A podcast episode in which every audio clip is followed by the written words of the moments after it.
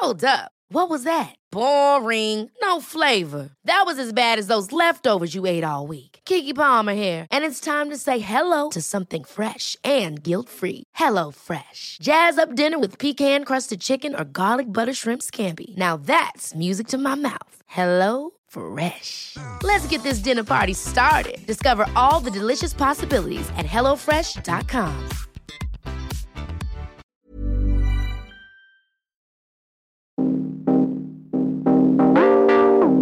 Ik wil niet zeggen dom, maar onnadenkend, naïef. En dat ben ik zelf ook, denk ik. Omdat je de hoop hoog houdt. Dat er iets gaat veranderen. En ik heb tot op een tijdje geleden altijd het idee gehad: bij mij is het anders. Mijn naam is Corinne Kolen en dit is Schaduwliefde. Hey Frederik, daar zitten we weer. Wauw, Corine, dat duurde echt een hele lange tijd. Een hele lange tijd en ik heb ontzettend veel zin om weer te beginnen. Welk seizoen is dit? Seizoen nummer drie. Ik heb er ook super veel zin in. En voor het eerst op Spotify. Ook heel fijn, dus voor de betaalmuur. Dus iedereen kon nu ook echt gaan luisteren. Vind ik zelf wel heel erg leuk. Ja, vind ik ook heel leuk. betekent wel dat we met sponsoren gaan werken. is voor ons natuurlijk voor het eerst dat we dat gaan doen. Dat Ja. vind ik ook leuk. Ja, Ik ben eigenlijk heel benieuwd. ik ook. Hey, hoe, hoe is het verder bij jou? Eh, want ik, ik zat hier net in de, op weg in de auto hier naartoe en toen eh, keek ik om me heen. Het was alleen maar regen en saai weer en grijs. En nou, ik ben niet zo iemand die heel erg gevoelig is daarvoor, maar nu kreeg ik er wel een beetje genoeg van. Ik, ik, kan me voorstellen dat er mensen in jouw praktijk zijn die daar ook echt heel veel last van hebben. Klopt dat? Ja, voor mij zijn januari en februari echt bomvolle maanden. Dus eh, ik denk dat altijd die laatste loodjes zo voor de lente, die duurt dan ook echt nog wel eventjes. Die begint een beetje eind maart, maar dat is echt wel een lange rit. En het was best een grijze winter dit keer. Veel regen, veel, ja, weet je, als het nou koud en mooi weer is, ga je nog lekker naar buiten. Maar we hadden niet veel geluk deze winter, dus deze is pittig. Heel veel wind. Ja. Kan het dat dat dan zo'n invloed heeft op psychische gesteldheid van mensen? Mensen veel meer binnen blijven. En we weten gewoon dat het voor de gezondheid ongelooflijk belangrijk is om naar buiten te kunnen.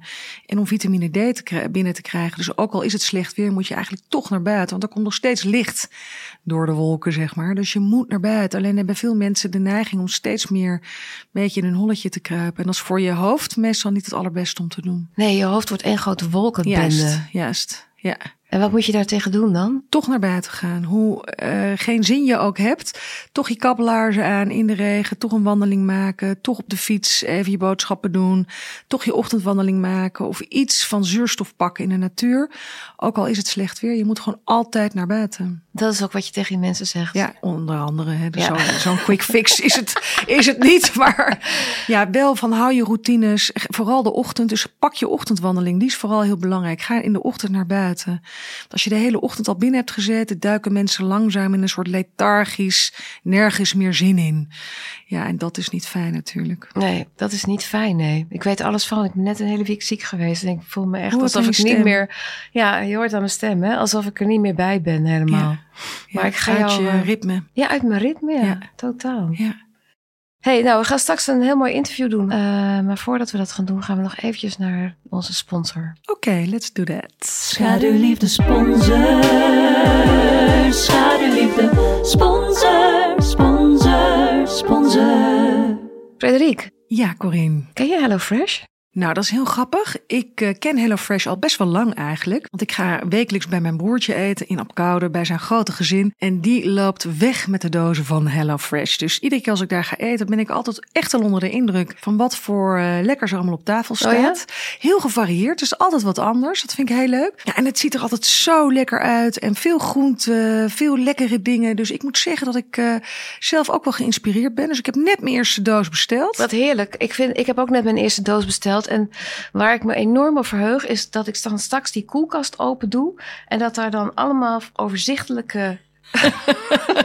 Gestructureerde ijskast van Oh, dat lijkt me zo heerlijk. Niet wel die vieze restjes van gisteren. Kunnen we daar nog iets mee? Of zullen we dit nog een keer combineren? Nee, we hebben gewoon heel Een strikt. nieuw, nieuw van- gerecht. Nieuw Ja. gerecht. Ik merk zelf, zeker in dus deze bomvolle maanden die ik heb, dat ik gewoon de neiging heb om voor de quick fix te gaan. En dat is niet altijd even gezond. Terwijl juist in deze wintermaanden het zo belangrijk is dat je al die eh, gezonde voeding binnenkrijgt. En dat doet HelloFresh heel goed. Die vele groentes. En je hebt eigenlijk alles wat je nodig hebt zit in die doos. En dat is natuurlijk super handig. Dus ik vind het heel lekker dat ik dan niet meer naar een supermarkt hoef te racen om nog te bedenken hoe of wat. Maar dat dus alles in die doos zit en dat je gewoon lekker rustig eh, kan koken. En ik vind koken echt een meditatiemomentje voor mezelf. Dus ik heb er heel veel zin in. Ik heb een hele lijst ingevuld. Vond ik al heel leuk, want je kan eh, echt kiezen. Heb je dat ook gedaan? Ja, ja, ja. Waar heb jij voor gekozen? Nou, ik ga voor de smoothies. Dat vind ik heel erg lekker. Oh ja, want dan gooi je Ja. dan allemaal in zo'n ding en dan Ja. heb je een heerlijk lunchje. Ja, dat is ook heerlijk. Ja, ik ben nu wat meer voor de visafdeling gegaan. Ik heb ook wel eens een tijdje dat ik dan weer wat meer in de vegetarische tour ben. Maar je kan dus allemaal kiezen. Dus dat vind ik ook heel leuk. Hey, maar we hebben ook een speciale aanbieding hè, voor onze ja, luisteraars. ik heb het gehoord. Heel leuk. Er is een code Hello Schaduwliefde. Ja. En dan krijg je, kan je wel tot 90 euro op de eerste vier boxen korting krijgen. Ja, is fantastisch. Dat is Een echt goede nogal deal. wat, toch? Ja, ja dat is 90 zeker- euro. Is veel geld. Zeker. En het is echt leuk om te proberen. Vooral als je dus ook echt ja, het fijn vindt dat alles lekker geregeld is. En dat je dus niet zoveel tijd kwijt bent. Je hoeft niet meer na te denken over dingen waar je misschien die avond niet over na wil denken. Ja, dat is ook fijn. Ik denk ook echt minder verspilling. Want als ik heel eerlijk ben, ik kom altijd met hele boodschappentas eh, binnengesleept. En toch best vaak eh, moet ik dingen weggooien. En dat vind ik eigenlijk helemaal niet leuk voor mezelf. Dus ik probeer wat minder te verspillen. En HelloFresh laat ook weten dat dat ook met deze doos minder zal gebeuren. Mhm. nou, ik, ben, eh, ik ben enthousiast. En eh, we gaan gewoon laten weten bij de volgende podcast... hoe wij onze eerste box hebben Wat ervaren. wij gekookt hebben. Ja, wat we gekookt hebben. Gaan we doen. Begint Gaan we elkaar wending te krijgen. Schaduwliefde dreigen. Gaat door naar iets anders. Oké, gaan we doen. Frederik, Yes. ik verheug me erop. Ik ook. Schaduwliefde sponsor. Schaduwliefde sponsor. Tessa, hallo. Wil jij je voorstellen? Ja, mijn naam is Tessa. Ik ben 50 jaar en ik kom hier mijn verhaal doen. Ja, je komt hier jouw verhaal doen. Dit is een podcast dat gaat over, eh, dat heet Schaduwliefde en het gaat over geheimen in relaties. Eh, wat is jouw geheim in ik je heb relatie? een affaire met een getrouwde man. En ben jij zelf ook getrouwd? Niet meer. Niet meer. En je hebt een affaire met een getrouwde man, dus eigenlijk is het, ligt het geheim bij hem. Ook bij hem, maar natuurlijk ook bij mij indirect. Want ik- hij kan het niet vertellen, maar ik kan het ook niet vertellen aan de buitenwereld. Hoe lang hebben jullie deze relatie al? Sinds 2017 is dat langzamerhand ontstaan. Sinds 2017, dus dat is best al een lange tijd. Dat is best een lange tijd. Hoe, lang, hoe vaak zien jullie elkaar? Bijna elke dag. En waar? Bij mij thuis, buiten, ehm, we sporten samen. Dus dat is eigenlijk ehm, ja, ons ontmoetingsmoment. Hoe gaat dat als hij bij jou thuis komt? Moet dat ook geheimzinnig? Nee, helemaal niet. Hij komt eh, regelmatig thuis. Hij komt me altijd ophalen. Ehm, hij komt ook gewoon overdag wel eens langs om koffie te drinken. Dus dat is niet geheimzinnig. Tenminste, niet voor mij en bijvoorbeeld mijn buren. Nee, voor je buren hoef je niet geheimzinnig te doen. Voor wie moet je dan geheimzinnig doen? Ja, voor de rest van de wereld om mij heen, denk ik. Ja, mijn werk, ehm, mijn familie. Eh, alleen wat ehm, ja, beste vrienden weten het. En waarom mag je familie het niet weten? Schaamte, denk ik. Van jou? Ja, Waar schaam je je voor? dat ik zo'n vrouw ben die met een getrouwde man is. Wat zijn dat voor vrouwen? Ja, wat zijn dat voor vrouwen? Ik heb altijd gezegd, als iemand mij dit had verteld, dat mij dit zou gaan gebeuren, dan had ik pertinent nee gezegd. Dat zal mij nooit overkomen. Wat was het beeld dat jij voor die tijd had van vrouwen die relaties hebben met getrouwde mannen? Ja, ik wil niet zeggen dom, maar onnadenkend, naïef, waarschijnlijk. En dat ben ik zelf ook, denk ik. Waarom? Wat, min- is, wat is er naïef aan? Omdat je de hoop hoog houdt. Dat er iets gaat veranderen. En ik heb tot op een tijdje geleden altijd het idee gehad, bij mij is het anders. En ik denk dat heel veel vrouwen dat denken, bij mij is het anders. En wat bedoel je dan precies? Welke hoop bedoel je dan? Dat hij zijn vrouw verlaat. Hoe hebben jullie elkaar leren kennen? In de sportschool. Ehm, hij bleek wat later al, ehm, wat hij gezegd heeft, al eerder een oogje op mij te hebben. Is mij nooit opgevallen. En ehm, nou ja, we raakten aan de praat. En ja, dan bleven we na het sporten wel eens hangen. En dan gingen we langer praten. En op een gegeven moment zouden we samen meedoen met een eh, hardloopwedstrijd.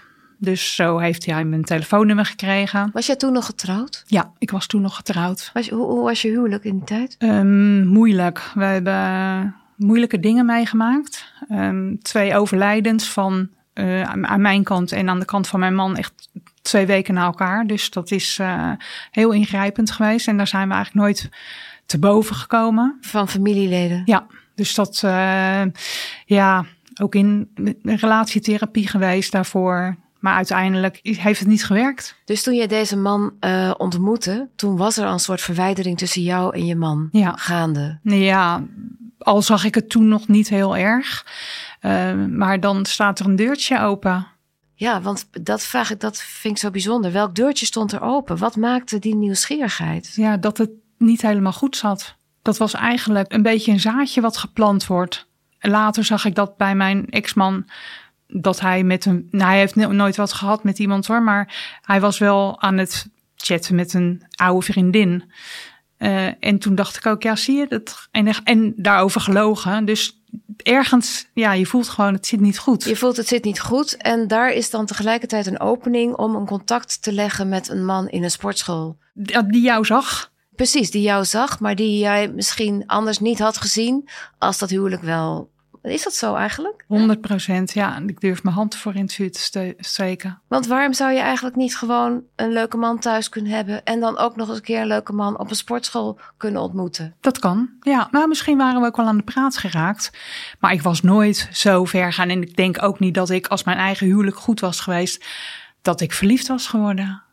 En dat is wat er gebeurde. Dus je wordt pas verliefd op het moment dat je thuis niet meer zo gelukkig bent? In mijn geval, ja. Wat ging, wat, hoe ging het verder? We begonnen te appen. En um, dat was eerst gewoon vriendschappelijk, leuk, grappig. We gaan een biertje drinken na het hardlopen. Prima, leuk. Ja, het werd intiemer en leuker. En op een gegeven moment werd ik verliefd. En bleek dat hij dat dus al een tijdje was. Op een gegeven moment dat hij tegen mij zei: Ik zou je wel willen zoenen. En toen wist ik zeker van hij vindt mij ook echt wel heel leuk. Omdat je daar in het begin totaal niet op zo'n rationele manier over nadenkt. Het is pure emotie wat dan speelt. Je bent, ja, je bent verliefd, dus je, je ziet alles door een roze bril. Je kijkt eigenlijk niet verder dan morgen.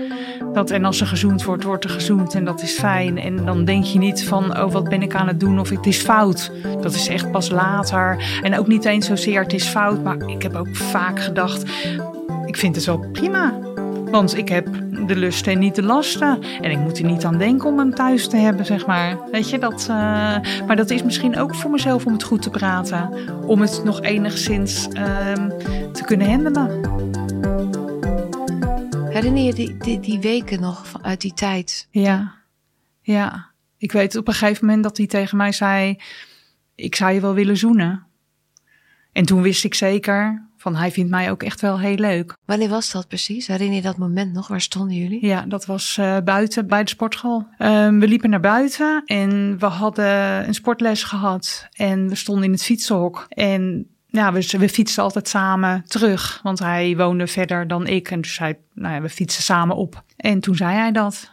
Nou, toen ging ik een beetje door mijn hoefjes. Want dat wilde ik ook natuurlijk al heel lang. Maar in de onzekerheid die ik toen ook nog had. Want ik wist dat hij getrouwd was. En ja, hij wist natuurlijk dat ik getrouwd was. Hebben jullie toen ook gezoend? Nee. Nee. Dat was echt... Uh, ja, denk wel een maand later pas. Wat is er gebeurd in die maand? We hebben elkaar vaak gezien.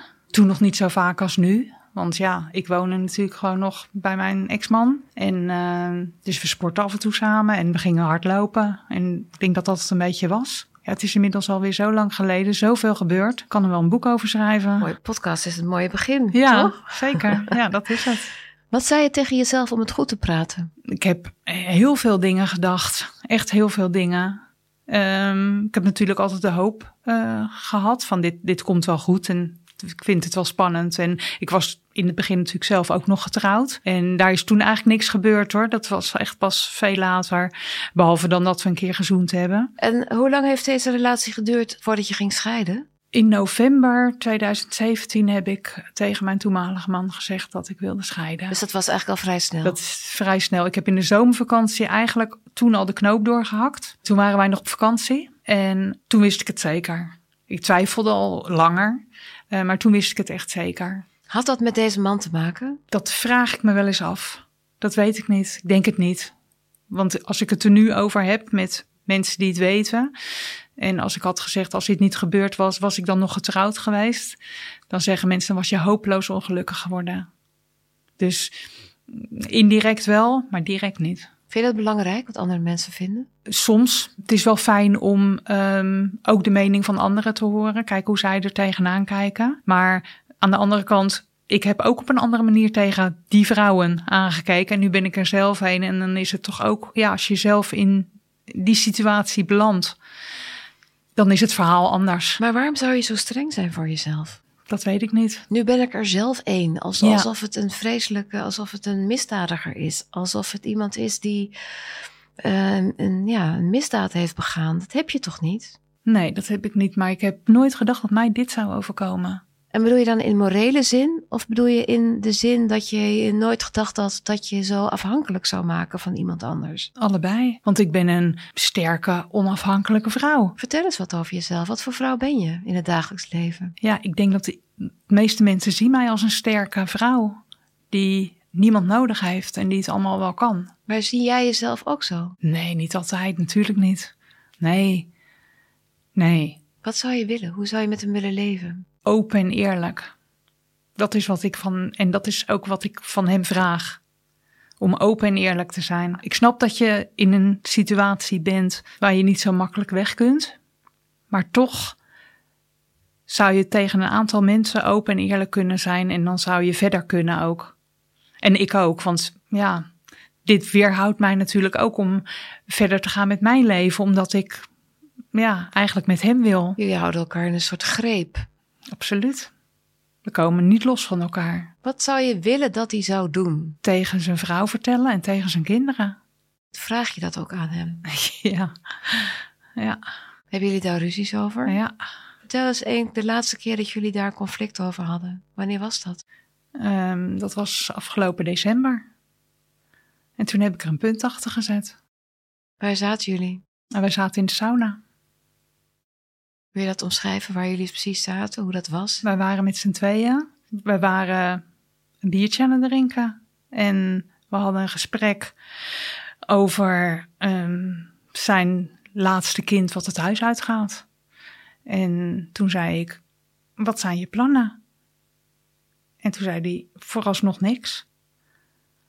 En toen had ik het idee dat letterlijk de wereld, nou ja, verging. En dat de poten onder mijn stoel vandaan gezaagd werden. Want dat is wat mij altijd is verteld. Zodra het laatste kind het huis uit is, dan komt er een bord in de tuin.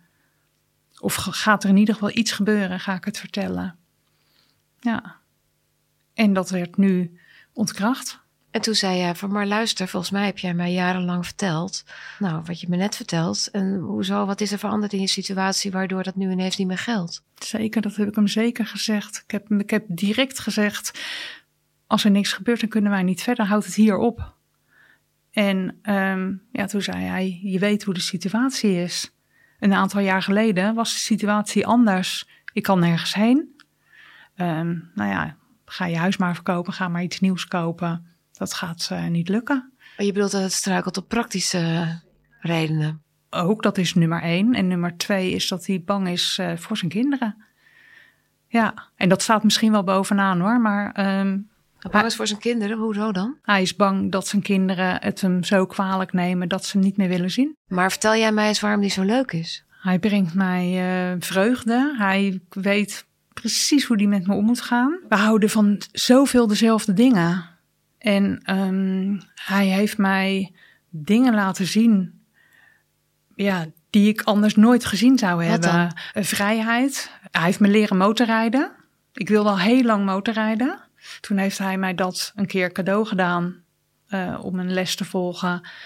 Eh, dus toen heb ik mijn motorrijbewijs gehaald. En dat wilde ik eigenlijk al vanaf nou, dat ik 18 was. Ja, ben ik hem eeuwig dankbaar voor. En verder is het het gevoel, het is pure chemie. Ik bedoel, ik kan het bijna niet uitleggen. Ik vind het echt heel lastig om het uit te leggen wat hij mij brengt. Maar het is het gevoel wat wij hebben als we samen zijn. Als we het moment dat hij binnenkomt, is het er. Dan pakt hij je vast en dan zoent hij je. En dan, of mij in dit geval natuurlijk. Ehm, ja, en dan is het gevoel is er. Veiligheid denk ik ook. Veiligheid? Ja, ah, ja. Dat is een grappig begrip in Ja. dit geval. Ja, en toch voel ik me veilig bij hem. Ehm, ik kan helemaal mezelf zijn. Ik kan mezelf in mijn dominante positie zijn, maar kan, heel, kan ook heel klein zijn bij hem. Ik kan mijn verdriet uiten, ik kan mijn blijheid uiten, ik kan mijn boosheid uiten. En hij weet daar feilloos mee om te gaan. Hoe dan? Door precies de juiste dingen te zeggen en te doen of te laten. En dat vind ik heel bijzonder, want ik ben niet echt heel makkelijk. Kan je daar een heel klein voorbeeldje van geven? Ik ben nogal gevoelig voor geluid. Hij weet daar heel goed mee om te gaan dat hij me niet voor gek verklaart, zeg maar. Want dat ben ik jaren, is dat wel gebeurd. Maar ook als hij me wil helpen met huisverbouwen bijvoorbeeld, dan kan iets niet, dan komt hij me altijd helpen. Maar hij laat me ook mijn eigen ding doen. Dus ja, je bent zo op elkaar ingespeeld eigenlijk. Jullie hebben eigenlijk al een perfecte relatie. Ja, ja het moet eigenlijk alleen nog beginnen. Is dat zo? Ja, Het is toch al begonnen? ja maar niet echt natuurlijk. Maar wanneer is iets echt? Wanneer is liefde echt? Nou, de liefde is zeker echt. Maar wanneer is Ja. een relatie echt? Ehm, ik denk als het open is. Voor mij in dit geval. Ja, ik, ik voel altijd terughoudendheid. Ik voel altijd ehm, een soort onzekerheid, terughoudendheid. Ik, ik ben niet helemaal. Ik ben niet helemaal 100% met hem in een relatie. Wanneer voel je die terughoudendheid? Ehm, als hij me zegt dat hij niet zonder me kan en dat hij echt met mij door wil, en dan heb ik nog steeds het idee, ja, maar het zijn maar woorden. Ik hoor woorden, alleen woorden, en ik zie niet, ik zie het niet gebeuren. En dat is echt wat mij ook heel verdrietig maakt tegelijk. Het is ook heel dubbel allemaal. Hè? Aan de ene kant zeg je, ik heb me nog nooit zo eh, veilig gevoeld bij iemand als bij hem. En aan de andere Mhm. kant zeg je, ik vertrouw hem niet. Ik vertrouw hem wel. Ja, ik vertrouw hem wel. Ja. Maar als, als jij, als, eh, je vertrouwt hem niet in die zin dat hij, eh, dat je hem gelooft wanneer hij belofte doet dat hij weggaat. Nu niet meer. Nee, dat is, dat is wel echt. Dat heeft me ook wel echt geraakt hoor. Want ik, ik heb me daar zo aan vastgehouden. Ik heb altijd gedacht: oké, ik kan het nog wel uitzingen. Dan, dan gaat het gebeuren. En als je dan hoort dat het niet gaat gebeuren, is me al die tijd iets voorgehouden. Ja, dan, dan houdt die veiligheid toch ook op. Ja, maar die vervalt ook het moment dat hij de deur binnenstapt. En dat doet hij nog steeds. Ja, Want je hebt het maar voor even uitgemaakt. nou ja, ik heb het uitgemaakt, maar we zien elkaar nog. Ja. Ja, wat is dan het verschil? Dat we geen intieme relatie meer hebben? Jullie hebben geen seks meer. Nee. En dat is zijn straf. Ja, dat vind ik een moeilijk woord. Maar dat is niet zijn straf, maar dat is wel mijn eh, drempel. Want als ik dat wel weer toesta, of we hebben wel weer seks, dan is er dus niets veranderd. En ik ben echt, nou de afgelopen maanden echt wel door een hel gegaan. Toen ik het uitgemaakt heb, want ik voel me echt eh, alsof mijn hart gebroken Maar is. waarom bleef je hem dan toch zien? Omdat we zo in elkaars leven verweven zitten. En we niet loskomen van elkaar. Maar dat is een kwestie van de deur niet open doen. Als Ja. hij aanbelt. Maar dat is ook dan een kwestie van niet meer samen de dingen doen die je altijd doet. Precies. Ja, maar dat is wel hetgene wat, ja, wat mij eh bezighoudt in een op een dag. Ik ben gewend om eh, gewoon altijd te gaan sporten. Ik kom hem dan weer tegen. En dan ga je naar een andere sportschool. Ja, dat wil ik niet. Waarom niet? Dat je Ja. hem dan niet meer tegenkomt. Ja, nee, maar ik, ik nee, dat, dat zou ik niet, dat zou ik toch niet willen. Omdat ik hem gewoon nog wil blijven zien. Ja. Hoe verscheurd voel je je? Het klinkt verscheurd. Mhm. Hoe, hoe, wanneer, hoe, hoe voelt dat? Hoe, wanneer heb je daar last van? Op welke momenten van de dag heb je daar het meeste last van? Eh, ik denk als ik alleen ben, als ik weet dat hij mm, iets gaat doen met zijn kinderen of naar zijn kinderen gaat, met zijn vrouw of eh, ja, Ehm, als we niet samen zijn, als ik, als ik dingen met hem zou willen doen, maar het kan niet. Wat gebeurt er dan met jou? Wat dan, doe je dan? Ja, dan voel je je eenzaam. Hoe ziet die eenzaamheid er bij jou uit? Dan probeer ik me daar overheen te zetten. Moet ik dingen gaan doen? Of ik ga huilend in een hoekje zitten. Of ik ga naar buiten. Of ik ga hardlopen. Of ik ga mm, iets doen om het niet te voelen. En lukt dat dan? Mm, niet altijd. Nee. En dan? Als het niet lukt, ja, dan geef ik eraan toe. Is hij er om je te troosten dan? Nee. De Nee. volgende dag? Ja. Ja. Dan troost hij je weer wel. Ja, ik kan het ook wel bij hem kwijt. Het, mijn verhaal en dat ik hem mis of dat ik hem, ja, dat ik behoefte heb aan hem of dat ik hem wil zien of dat, ja, dat ik me niet lekker voel. Of, Nee, maar het erge zit hem in het feit dat je niet kan zeggen tegen die hele buitenwereld van kijk, dit is mijn man. Ja. ja, dat zou ik heel graag willen. Omdat je op de een of andere manier gewoon wil vertellen. Je wil, als, als er gevraagd wordt van wat heb je gedaan? Nou, ik ga altijd maar zeggen dat ik dingen in mijn eentje heb gedaan. Dus dat is gewoon, ja, het is gewoon niet leuk om dat altijd zo te um, verhullen uh, door middel van een leugen. Terwijl je zegt van, nou, ik ben juist uh, lekker naar het strand geweest uh, samen. We zijn dit gedaan, we hebben dat gedaan. Wat gaat er gebeuren de komende tijd? Want jullie zitten nu in een soort van no man's land. Geen relatie. Jullie zien elkaar nog wel. De hoop blijft er. Die eeuwige hoop. Een kwelling. Ja, of dit gaat zo etterd door. Ja, dat kan. Ik kan niet in de toekomst kijken. We hebben het er zo vaak over gehad. Wat er zou kunnen gaan gebeuren. Nu daar ook weer andere zaken spelen. Dat zijn vrouw het huis uitgaat. Zijn vrouw gaat het huis uit? Ja. Nou. Tenminste, dat zegt ze. Ze heeft gezegd van, ik ben op zoek naar een uh, appartement en dan uh, kun jij hier blijven wonen. Dus ik heb letterlijk eergisteren gekscherend gezegd, nou dat is mooi, dan kom ik bij jou wonen. En dan uh, kan ik mijn huis verhuren.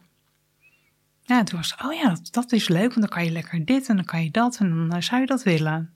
Dus ja, het, het, het is niet over. Het is niet over. Maar daar was hij wel voor in, eventueel.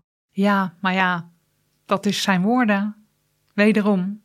En dat is, dat heb ik de laatste tijd wel geleerd. Woorden zijn bij hem geen daden. Waar slaat die balans naar, naar uit uiteindelijk? Ik denk dat ik um, uiteindelijk, mocht het echt niks gaan worden, dan moet ik voor mezelf gaan kiezen. Dat is het. En um, volgens mij verlaten vrouwen hun man eerst emotioneel. Dus ik zou daar eerst afstand van moeten nemen. Maar ja, ik wil het niet. Dus dat, ik wil graag met hem.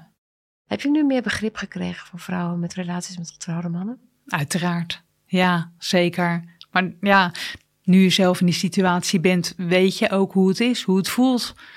Ja, dat is hetzelfde als uh, je ouders overlijden. Dat weet je ook niet totdat je het zelf meemaakt. En dat zie je bij andere mensen, dan weet je het niet. En dan weet je, als je het zelf meemaakt, weet je precies wat je voelt en hoe het voelt. Ja, dus ik kan zeker zeggen dat ik uh, begrip heb daarvoor. Je kijkt er niet meer op neer. Nee, nee, nee. En je schaamt je nog wel. Ja, ik vind schaamte ook een groot woord hoor. Um, maar misschien wel. Maar dat is meer echt voor de buitenwereld. Ja. Dat ik dus inderdaad ja, daarin getrapt ben om een relatie aan te gaan met een getrouwde man. Terwijl iedereen zegt red flags, niet doen. Alle mannen zeggen dat ze weggaan bij hun vrouw en niemand doet het. Mannen gaan niet weg. Hoe gaat dit aflopen, Tessa? Hoe, gaan we, hoe, gaat dit, uh, hoe gaat dit verder straks? Kan je dit gewoon nog eindeloos ook volhouden met alle pijn en verdriet en geluk? Ik weet het niet. Ik weet het. Ik, ik kan daar gewoon echt geen antwoord op geven. Ik heb nog zoveel hoop. En dat is, ik denk dat dat hetgeen is wat het lastig maakt. Dankjewel, Tessa. Alsjeblieft.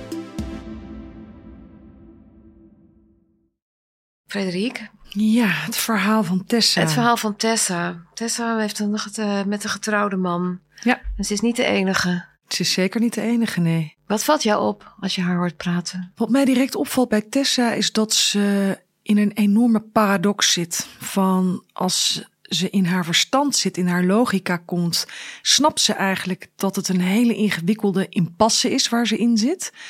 Maar dan voel je er weer zakken in haar hart en dan gaat ze weer in haar gevoel dan verliest ze eigenlijk meteen de ratio. En dat is eigenlijk wat je door het hele gesprek van Tessa, wat voor mij heel voelbaar is. En dan til jij haar eigenlijk weer op in, in de vragen die je stelt in, in haar hoofd. Van, je stelt hele goede, duidelijke vragen. En dan zie je weer dat ze even uit de liefdesbubbel komt. En dan zakt ze er weer in. En dit is eigenlijk wat je, denk ik, ook vaak meemaakt met vrouwen die uh, ergens in hun verstand weten dat het beter is als ze ergens uitgaan, maar gevoelsmatig niet loskomen. Nee, en um, hoe kan het dat ze dat, hoe kan het dat zij daar niet uit loskomt, terwijl ze al zeven jaar in deze relatie zit ja. en ze weet precies dat die pijn inderdaad niet overgaat. En ze weet dat ze daar nog in zit. En ze zegt ook letterlijk van nou, uh, een vingerknip en er is straks weer tien jaar voorbij. En dan heb ik, is die pijn nog eens een keer tien jaar uh, langduriger geweest. Hoe kan het dat je dan op een gegeven moment niet die knop kan omzetten? Ze heeft het over hoop. Dus in haar hoofd is er nog steeds ruimte voor een goede afloop. Dus zij houdt liever vast aan een strohalm, zoals ze het zelf noemt dan dat ze de liefde opgeeft met deze man. Dus ze voelt iets bij hem wat zo diep zit. En die wil ze niet loslaten. Ze heeft een interessante modus gevonden om een stukje controle terug te pakken. door niet meer met hem naar bed te gaan. Maar ze zien elkaar nog wel. Maar dat is natuurlijk eigenlijk een illusie. Ja, dus, eh, maar het helpt haar misschien om een stukje waardigheid bij zichzelf te houden. En te zeggen. En macht misschien? Dat zou kunnen. Dat zou kunnen. Ik heb het idee dat het bij haar meer in een stukje controle terugpakken voor zichzelf. Dat ze gaat staan voor uh, het feit dat ze het heeft uitgemaakt. En dat betekent dat de seks niet meer mogelijk is. Maar ze mogen elkaar nog wel zien. En daarmee houdt ze de liefde toch in stand. Als zij nou in jouw praktijk is hè, en zij komt met deze kwestie en ze, ze lijdt eronder, dat zegt ze ook. Ja. Ik. Ja. Het is een kwelling. Ja. Wat, wat zeg je dan tegen haar? Ik zou eerst gaan kijken naar de diepere psychologische structuren, waarom het zo moeilijk voor haar is om hier los te komen. Dat heeft vaak met hele andere zaken te maken dan alleen maar een ontmoeting in de liefde. Het heeft vaak met de historie van iemand te maken. En dat zou dan interessant zijn om met Tessa naar te kijken. Dat voor gezin van herkomst kom je, wat zijn je eerdere relaties geweest, ook de dynamiek in haar huwelijk eens te bekijken. Heeft ze daar misschien niet al heel lang ingezeten, terwijl dat ook blijkbaar niet helemaal een relatie was waar ze zich gelukkig in heeft gevoeld. Dus er zijn wellicht een aantal patronen die zich herhalen in haar leven. En daar is dit eh, er ook een van. Ah ja, misschien. dus als je die oplost, dan kom je vanzelf bij deze en dan, dan lost die vanzelf mee op, bij wijze van spreken. Niet per se, maar dan krijgt het in ieder geval een ander perspectief. En dan gaat het niet alleen maar over deze man, want dat kan soms een obsessie worden. Maar trekken we het naar een groter uh, perspectief, waardoor ze ook op een andere manier kan gaan kijken naar deze relatie. Hoe zou zij anders kunnen gaan kijken naar deze relatie? Nou, dat ze kan zien dat het niet per se met deze man te maken heeft, maar dat het iets is in haarzelf wellicht, uh, waardoor ze deze man niet kan loslaten. En daarmee pakt ze een stukje gezonde controle terug, want daar kan je aan werken. Dat het niet per se die liefde is, Nee, maar precies. haar hang naar iemand die niet te krijgen valt. Zoiets? Dat weet ik niet. Ik weet niet per se of het dat is. Dat kan allerlei verschillende uh, oorzaken hebben. Maar dat ze wel kan voelen dat ze zelf echt iets kan doen om beweging in deze impasse te krijgen. En daar zou ik haar dan bij helpen. Want ik gun het haar wel om hier uit te komen. Want dit gaat, uh, zoals ik het nu hoor, dit duurt al zeven jaar. Het lijkt erop dat deze man de liefde wel heel erg waardeert, maar niet bereid is om echt te bewegen. Dus hij blijft in dezelfde positie staan. Dus zij kan alleen maar haar positie veranderen door op een andere plek te gaan staan. Ja, maar weet je wat me ook altijd opvalt bij dit soort gesprekken? Dat je, uh, het gaat ook zo over wat is liefde? Wat is een relatie? Het zijn allemaal van die aannames. We zitten helemaal, we hebben ons helemaal vol dichtgetimmerd van een relatie hoort daar en daar en daar aan te voldoen. En doet hij dat niet, dan is het geen echte relatie. Terwijl ik denk, ze hebben een echte relatie. Ze hebben zeker Ze een echte relatie. Nee, dit is echt een, een behoorlijk volwaardige relatie wat mij betreft. Behalve dat nu de seksuele pilaar eruit gehaald is uh, door Tessa zelf. Maar eigenlijk als je kijkt hoe frequent het contact is, hoeveel leuke dingen ze samen doen, hoe hij haar ook dingen gunt en dingen initieert, hoe fijn ze het vinden om samen te zijn. Ja, Ik zou dit ook serieus een relatie noemen, ja. Maar dan kan je toch ook denken, als je dan een soort van mind switch doet. Mhm. Van oké, maar eh, nou, dan slaapt hij dus niet. Dan kan ik dus maar niet de, mijn vriendinnen vertellen hoe geweldig die is. So what? Ik heb het toch met hem leuk? Dat kan en dat, er zijn vrouwen die daar helemaal mee akkoord gaan. Maar zij heeft daar last van. Het geheim drukt op Tessa. En dat vind ik eh, heel helder door schemeren in het verhaal. Zij heeft er last van. Ze vindt het vervelend om te liegen tegen mensen.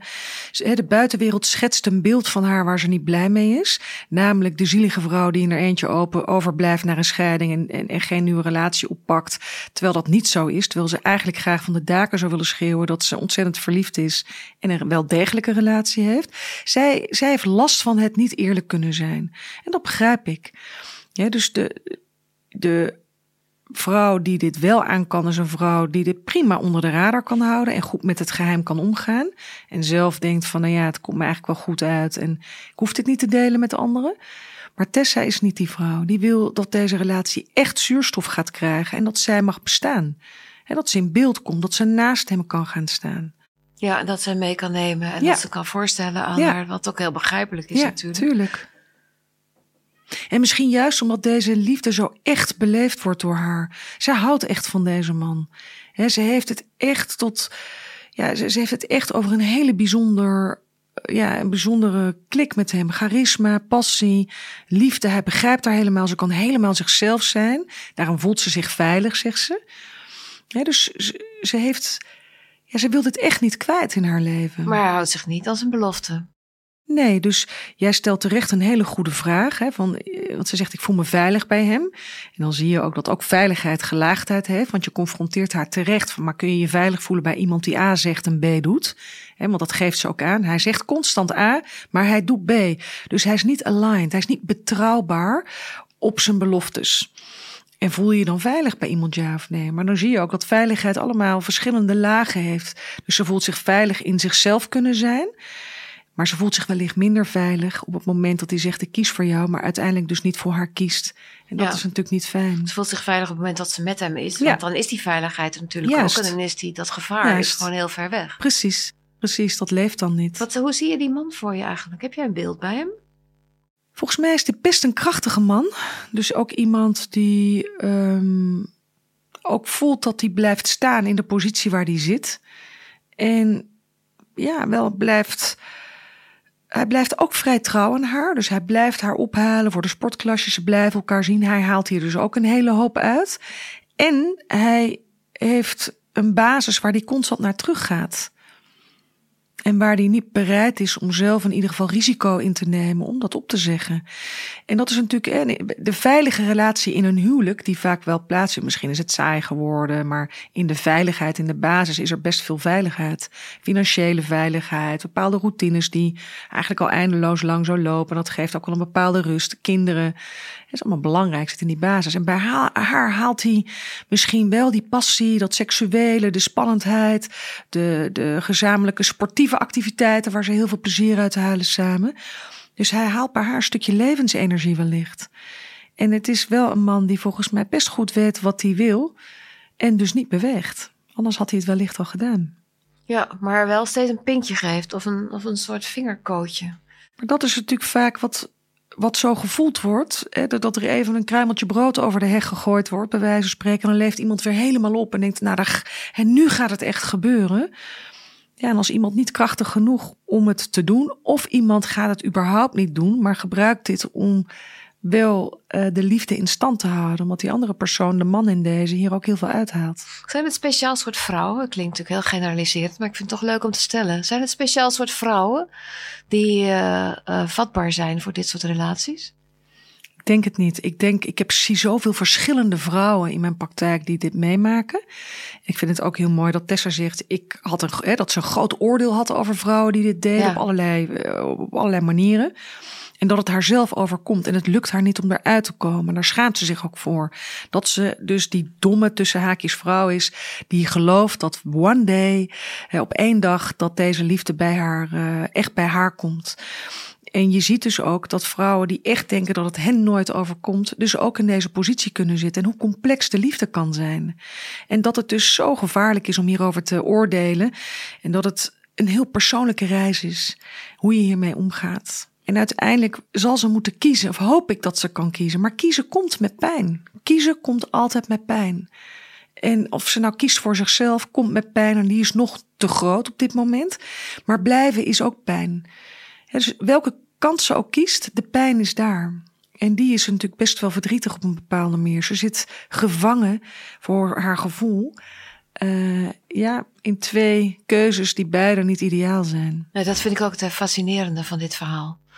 Die inderdaad, dat, dat steeds enerzijds, anderzijds, enerzijds, anderzijds. En dat, dat gaat over alle vlakken. Dat is, dat is ook het interne conflict waar zij zelf in zit. Ik wil het niet opgeven omdat ik geloof of wil hopen dat deze liefde ooit helemaal van mij is.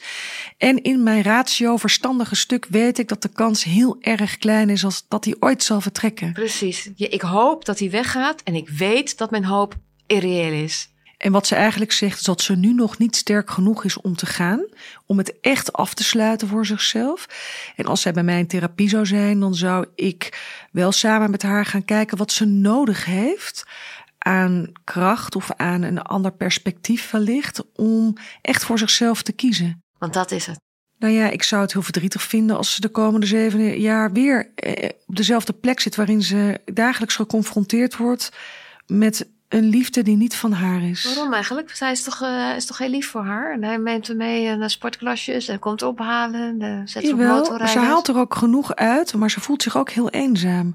En ze, ze, heeft last van het geheim. En ik denk dat dat essentieel is. Als we het hebben over geheimen in de liefde, moet je het geheim kunnen dragen. Ben je veerkrachtig genoeg om het geheim te dragen? En wat zij laat weten is dat ze gebukt gaat onder het feit dat ze niet eerlijk kan zijn naar de buitenwereld. En als je daar last van hebt, dan heb je soms hulp nodig van een professional om langzaam daaruit te komen en jezelf te bevrijden van een verhaal wat niet naar buiten geklapt mag worden. Heel mooi, heel mooi. Mooi, ik heb echt weer wat van je geleerd. Nou, Corine, dat doet me deugd om te ja. horen. Dankjewel. Alsjeblieft. Echt fantastisch, dankjewel. Dank je. Deze podcast werd gemaakt door Corine Kolen en Frederike Bikker. De eindredactie en regie zijn van Bente Hilkens Edit, mix en muziek zijn van Lonneke Kruisbergen. Dank je voor het luisteren.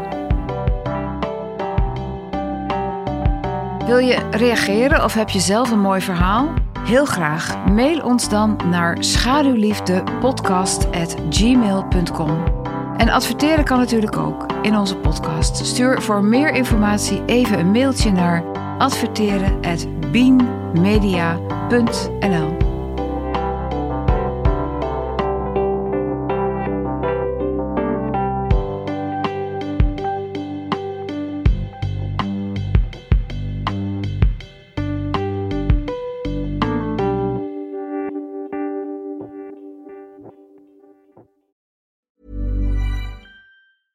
Ever catch yourself eating the same flavorless dinner three days in a row? Dreaming of something better? Well, HelloFresh is your guilt-free dream come true, baby. It's me, Kiki Palmer. Let's wake up those taste buds with hot, juicy pecan-crusted chicken or garlic butter shrimp scampi. Mm. Hello Fresh. Stop dreaming of all the delicious possibilities and dig in at HelloFresh.com. Let's get this dinner party started.